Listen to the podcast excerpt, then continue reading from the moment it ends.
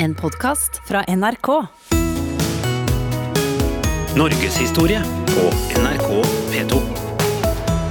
Å kaste salt over skulderen er kanskje ikke det de fleste av oss vil satse på for å unngå covid-19-smitte. Men før vitenskapens overtak var overtro, folketro eller religion det folk satte sin lit og håp til når pandemier, epidemier og pester slo til. Men har vitenskapen fortrengt all folketro? Og har vi kanskje noe å lære av fortidens menneskers svarte kunst? En som har forsket på disse spørsmålene, er du, Ane Orvik, førsteamanuensis i kulturhistorie ved Universitetet i Oslo. Velkommen til Norgeshistorie. Tusen takk. Du er altså i gang med å forske på om noe av det folk på 15-, 16- og 1700-tallet gjorde for å helbrede sykdom, faktisk virket. Hva går denne forskningen ut på? Ja, den er jo kjempespennende, for nå eh, forsker altså vi kulturhistorikerne sammen med biologer og botanikere og liksom medisiner og farmasøyter. Og vi starter altså med de historiske kildene. Vi går tilbake i tid, og så ser vi hva de beskriver av planter som de brukte i den folkemedisinske behandlingen. Og så tar vi den kunnskapen om disse plantene inn i laboratoriene, rett og slett. Vi plukker de samme plantene ute i dag, og så tar altså naturviterne dette videre til laboratoriene og tester dem ut for virkestoffer. Og spørsmålet er jo rett og slett virker de? Ja, virker de da? Ja, altså nå er vi jo absolutt i startfasen. Nå har vi gått gjennom en sesong hvor vi har eh, samlet inn en rekke rekke tradisjonelle planter. Både i Oslo og omegn her, og også på fjellet. Eh, planter som vi vet de også brukte på 1600-, og 1700- og 1800-tallet. Eh, og nå skal liksom vinteren gå med til testing av disse plantene. Så dere har ikke kommet så langt ennå at dere vet om noen av disse plantene faktisk virker? Nei, det er vi ikke. Mm. Men vi har stor tro på det. Det har vi. Det har dere. Mm. Det, det, høres lovende ut. Men eh, hva er poenget med dette prosjektet? Hva kan vi lære av det, tenker dere? Altså, vi vet jo fra før av at den moderne farmasien eh, jo er bygget på eh, eh, hva skal jeg si, tradisjonell eh, medisin, som vi finner både fra middelalderen eh, og, og, fremover. Så, så, så, fjernt er det ikke å tenke at, at Eh, en del av disse um, en del av disse oppskriftene og remediene som de brukte, eh, kan virke. Men, men, det er klart det er så veldig mye av det som vi ikke har testet. Eh, og det er klart, vi går jo til kilder som man tidligere ikke har gått til. Eh, nemlig de mer hva skal jeg si, magiske trolldomsbøkene og, og, andre oppskrifter. For å se hvorvidt folk, altså det folk gjorde, hadde noe for seg. Mm. Og det er jo det som er veldig interessant, da. Vi skal komme tilbake til de kildene, men jeg bare lurer på Her er det naturvitere med. Mm. Er tanken da at uh, man rett og slett skal utvikle noen medikamenter, eller skal dette brukes i medisin på noen som helst måte? Eh, I dette forskningsprosjektet så er vi veldig opptatt av hva skal si, planter som eh, folk før brukte for diverse mageproblemer. Altså, så vi har faktisk hva skal si, snevret inn fokuset i forhold til sykdommer og plager. Um, Eh, og det er klart at det, akkurat den biten av moderne medisin er liksom veldig i vinden.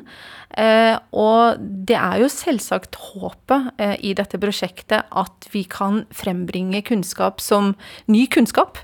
Eh, om nye virkestoffer og nye kanskje kombinasjoner av virkestoffer eh, som man ikke har visst om, og som man kan ta videre til si, produksjon av legemidler. Har du fått noe innsikt i hvordan de forholdt seg til smitte? Altså var folk opptatt av smitte på 15-, 16-, 1700-tallet? Um, I de kildene som vi har uh, studert nå, så er det vel kanskje ikke først og fremst smitte uh, som uh, tematiseres, men vi har absolutt kilder til, um, til si, forestillinger og forklaringer på hvorfor folk ble syke. Eh, og der har man jo eh, ulike typer forklaringsmodeller. Eh, en av de forklaringsmodellene er jo at sykdom er blitt kastet på en. Og da er det jo ofte ved trolldom, altså at noen har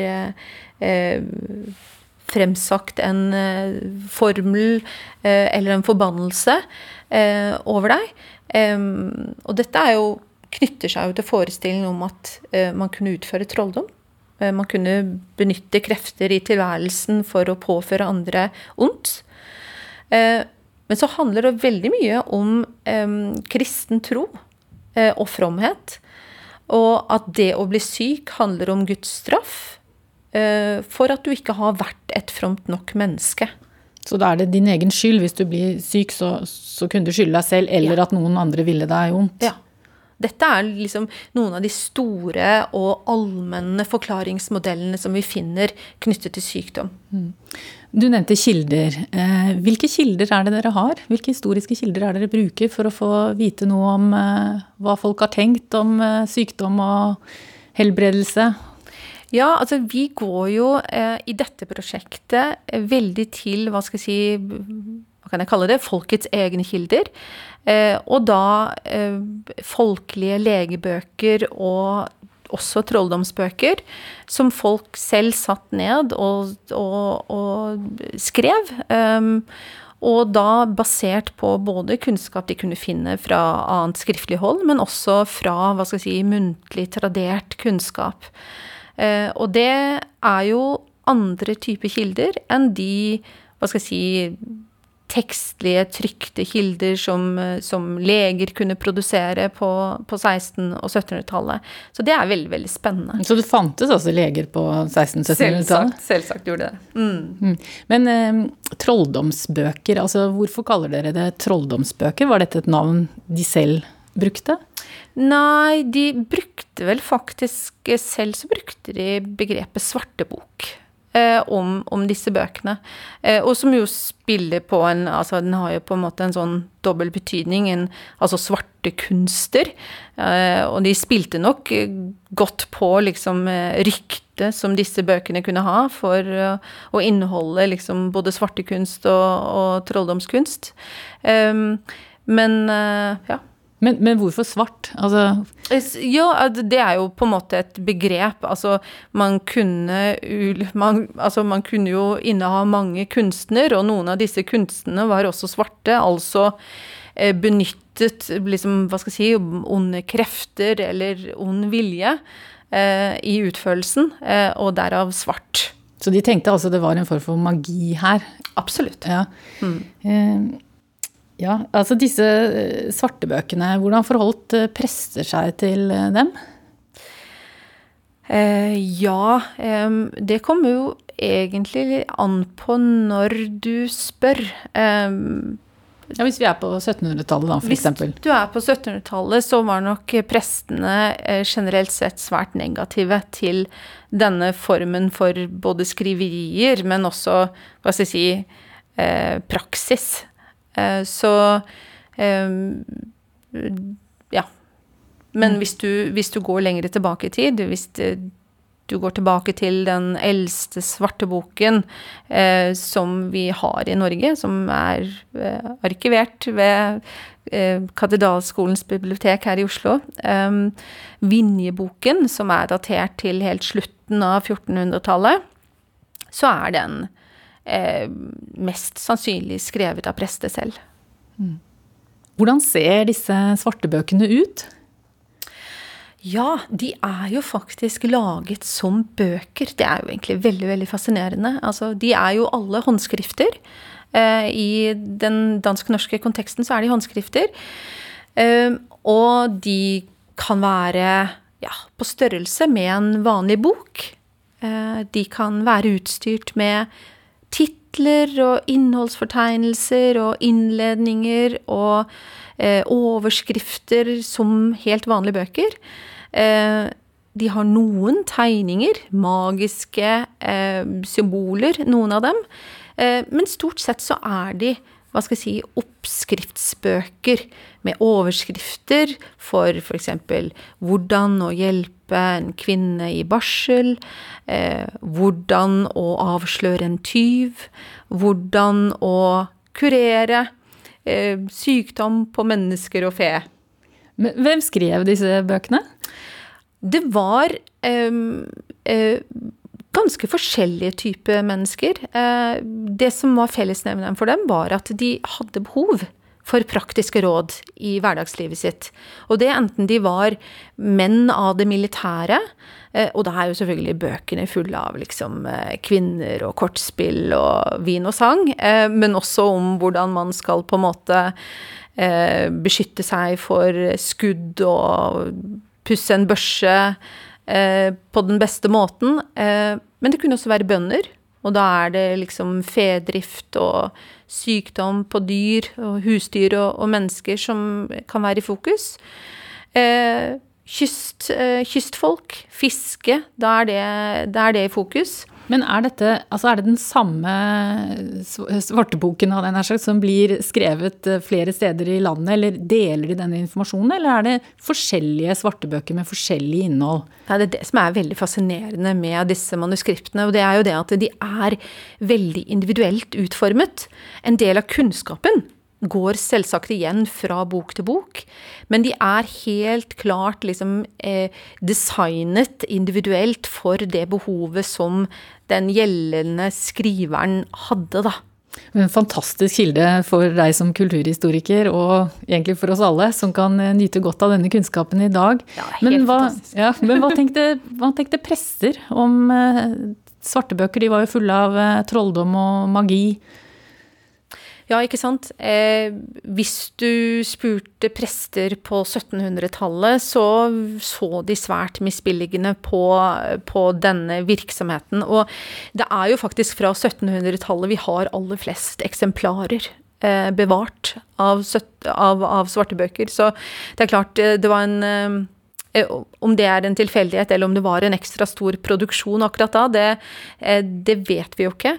Men de eh, vitner iallfall om en hva skal jeg si, interesse eh, og en praksis eh, på det folkemedisinske og folketrofeltet som prestene ikke var spesielt glad i.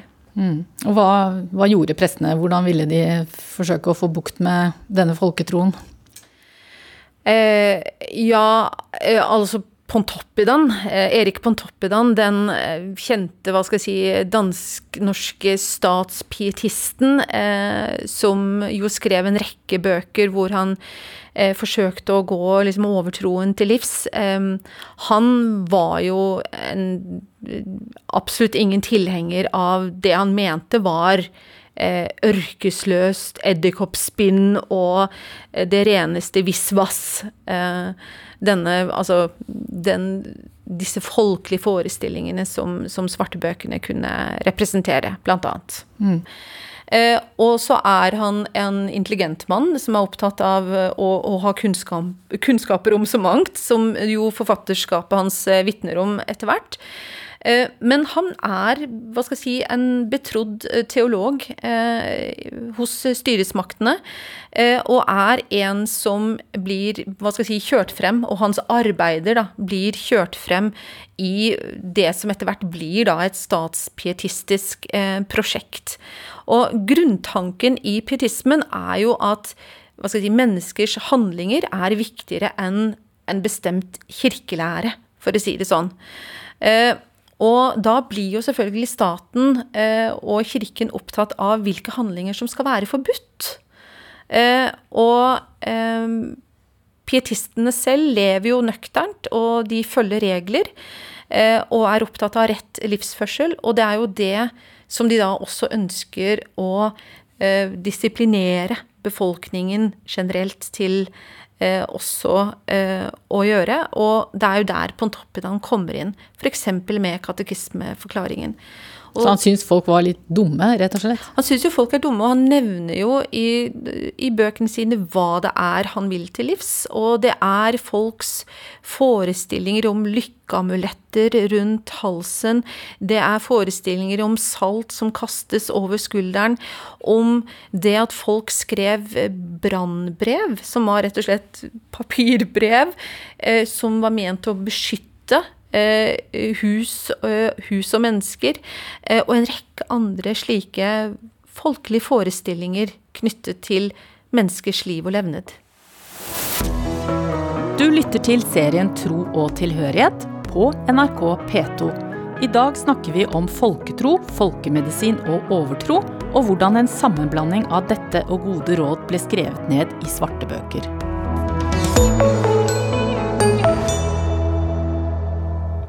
Teologen og biskopen Erik Pontoppidan A. Norvik han var altså blant dem som ville folketroen til livs, og han skrev bøker som fikk stor innflytelse i lang tid fremover. Hva var det han skrev? Eh, Erik Pontoppidan skrev jo 'Sannhet til gudfryktighet', eh, den såkalte katekismeforklaringen, i 1737. Og den ble jo da innført som en lærebok ved konfirmasjonen og i allmueskolen, som jo Eh, ble opprettet i 1739. Og på den måten så blir jo han en veldig viktig leverandør av eh, pietismen eh, i Danmark-Norge. Eh, av pietistiske eh, tankegods. Eh, og den hva skal jeg si, statspietistiske ideologien. Så han får veldig stor betydning i så måte. Og dette er jo en bok som ble brukt inn på Altså, Katekismeforklaringen ble jo brukt uh, inn på 1800-tallet. Så alle norske barn blir kjent med Pontoppidans tekster? Alle norske barn leser Pontoppidans uh, tekster. Og denne sannhet til gudfryktighet i særdeleshet. Og den, den, blir jo brukt i skolen frem til ut på 1800-tallet. Så den blir veldig, veldig betydningsfull. Men til tross for eh, Pontoppidans eh, forsøk på å bekjempe folketro og overtro, så brukte jo folk eh, svartebøkene. Hvem hadde folk tillit til når det gjaldt helbredelse av sykdom? Og, og hvem var som utførte sykdomsbehandling? Ehm, de som utførte sykdomsbehandling, var først og fremst kloke menn og koner i lokalsamfunnene. Folk som hadde opparbeidet seg et godt rykte for å kunne helbrede eh, både mennesker og dyr. Eh, og som kanskje hadde brukt et helt liv på å opparbeide seg denne kunnskapen. Eh, så først og fremst så var det disse kloke som sto for denne sykdomsbehandlingen. Og Ble de kalt kloke, eller hadde de en eller annen det gjorde de. Så de hadde ikke noe tittel, det var ikke noe legetittel, eller Nei, på ingen måte. Jo, altså, i svartebøkene så kan man faktisk eh, noen ganger se uttrykket 'doktoren' brukt.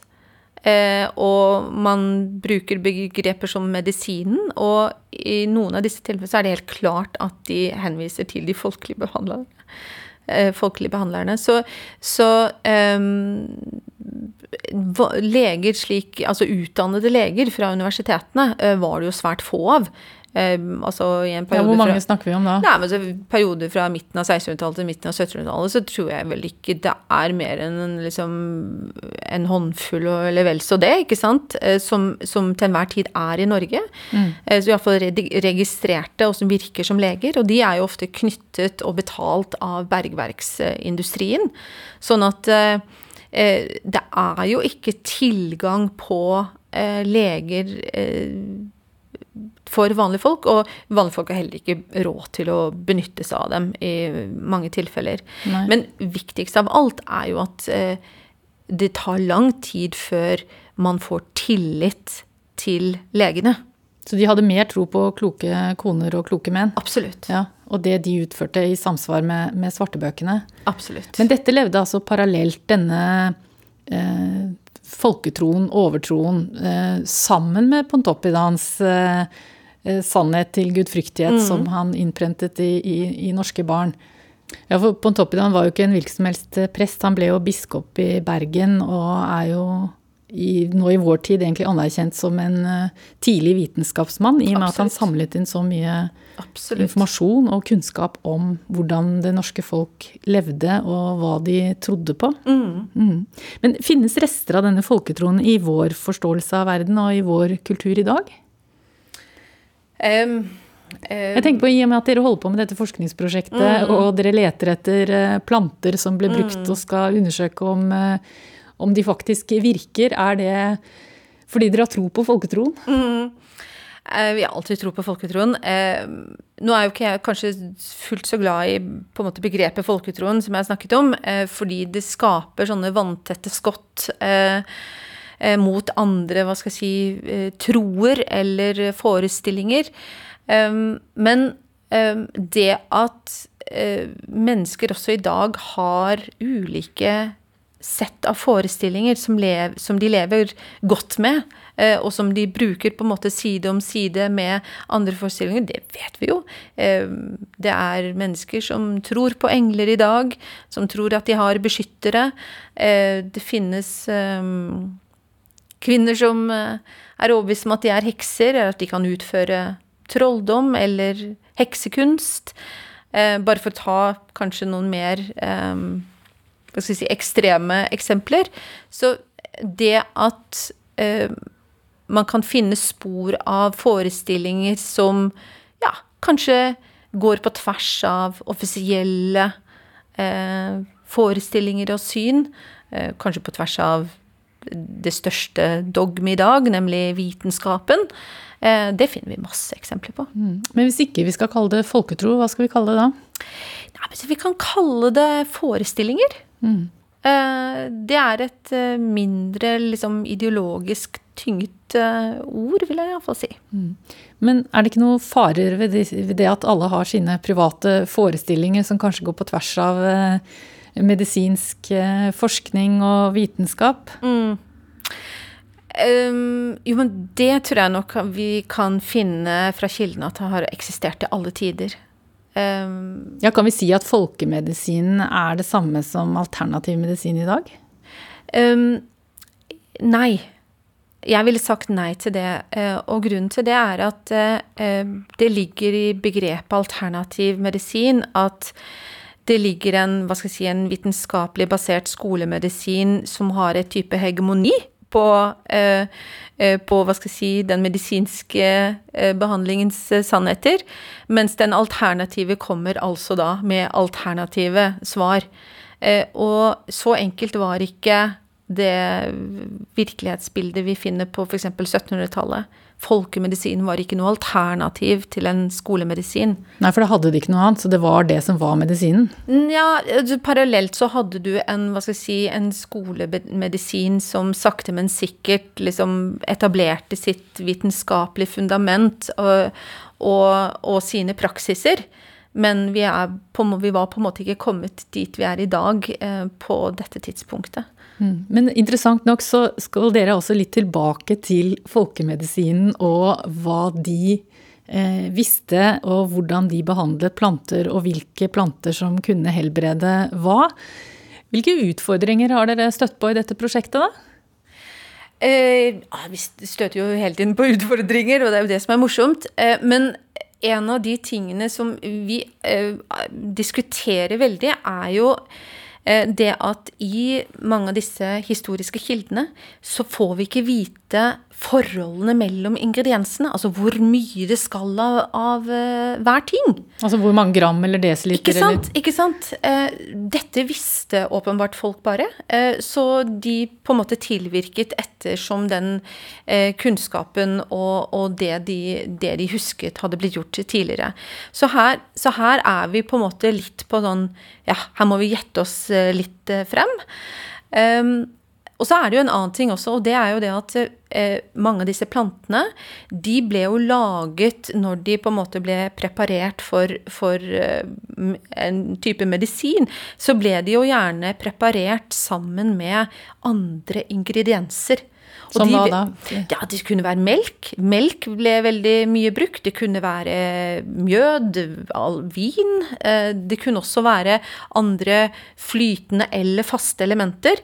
Og det er klart, de har vi heller ikke forholdene til. Altså sånn hvor Og dere har kanskje var, heller ikke den mjøden eller den sammenblandingen av så, vin? Så vi har jo skøyet med dette at eh, kanskje vi nå er nødt til å brygge mjød etter den gamle, gamle metoden. Men har eh, dere oppskrift på det, da? Ja, ikke sant. Så må vi finne det òg. Eh, så, eh, så, det blir en jobb, dette her. Men, eh, men det, det er iallfall noen av disse utfordringene som man har da, når man skal eh, ta historiske kilder på alvor. Men den utfordringen tar dere vel. Dere har jo fire doktorgradsstipendiater med i prosjektet og har fått en god slump med penger fra universitetet for å forske på dette. Mm. Hva, hva, er grunnen til at nettopp dere har uh, fått mye midler Hvilke samfunnsbehov dekker dette prosjektet? Eh, ja, altså i, Samfunnsbehovet eh, er jo helt klart den å eh, eh, å frembringe tidligere tiders eh, kunnskap, eh, og, og, se om de også på en måte kan virke og ha nytte for oss i dag. Det er rett og slett Altså, kan vi finne ny medisin, oppdage ny medisin, som, som, som fremdeles er skjult for oss? rett og slett. Eh, og så er det jo det at i jakten på det, så tar vi historiske kilder på alvor på en litt ny måte. Og jeg tror den, eh, den kombinasjonen der, den tror jeg har vært eh, suksessoppskriften for dette prosjektet.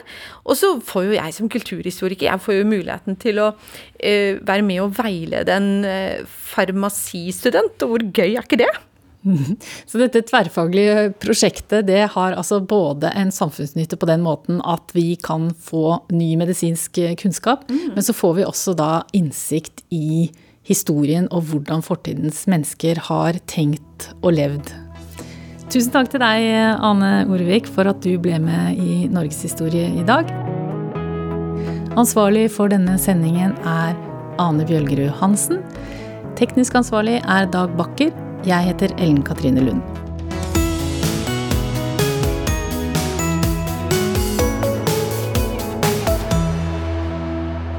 Du har hørt en podkast fra NRK. Hør flere podkaster og din favorittkanal i appen NRK Radio.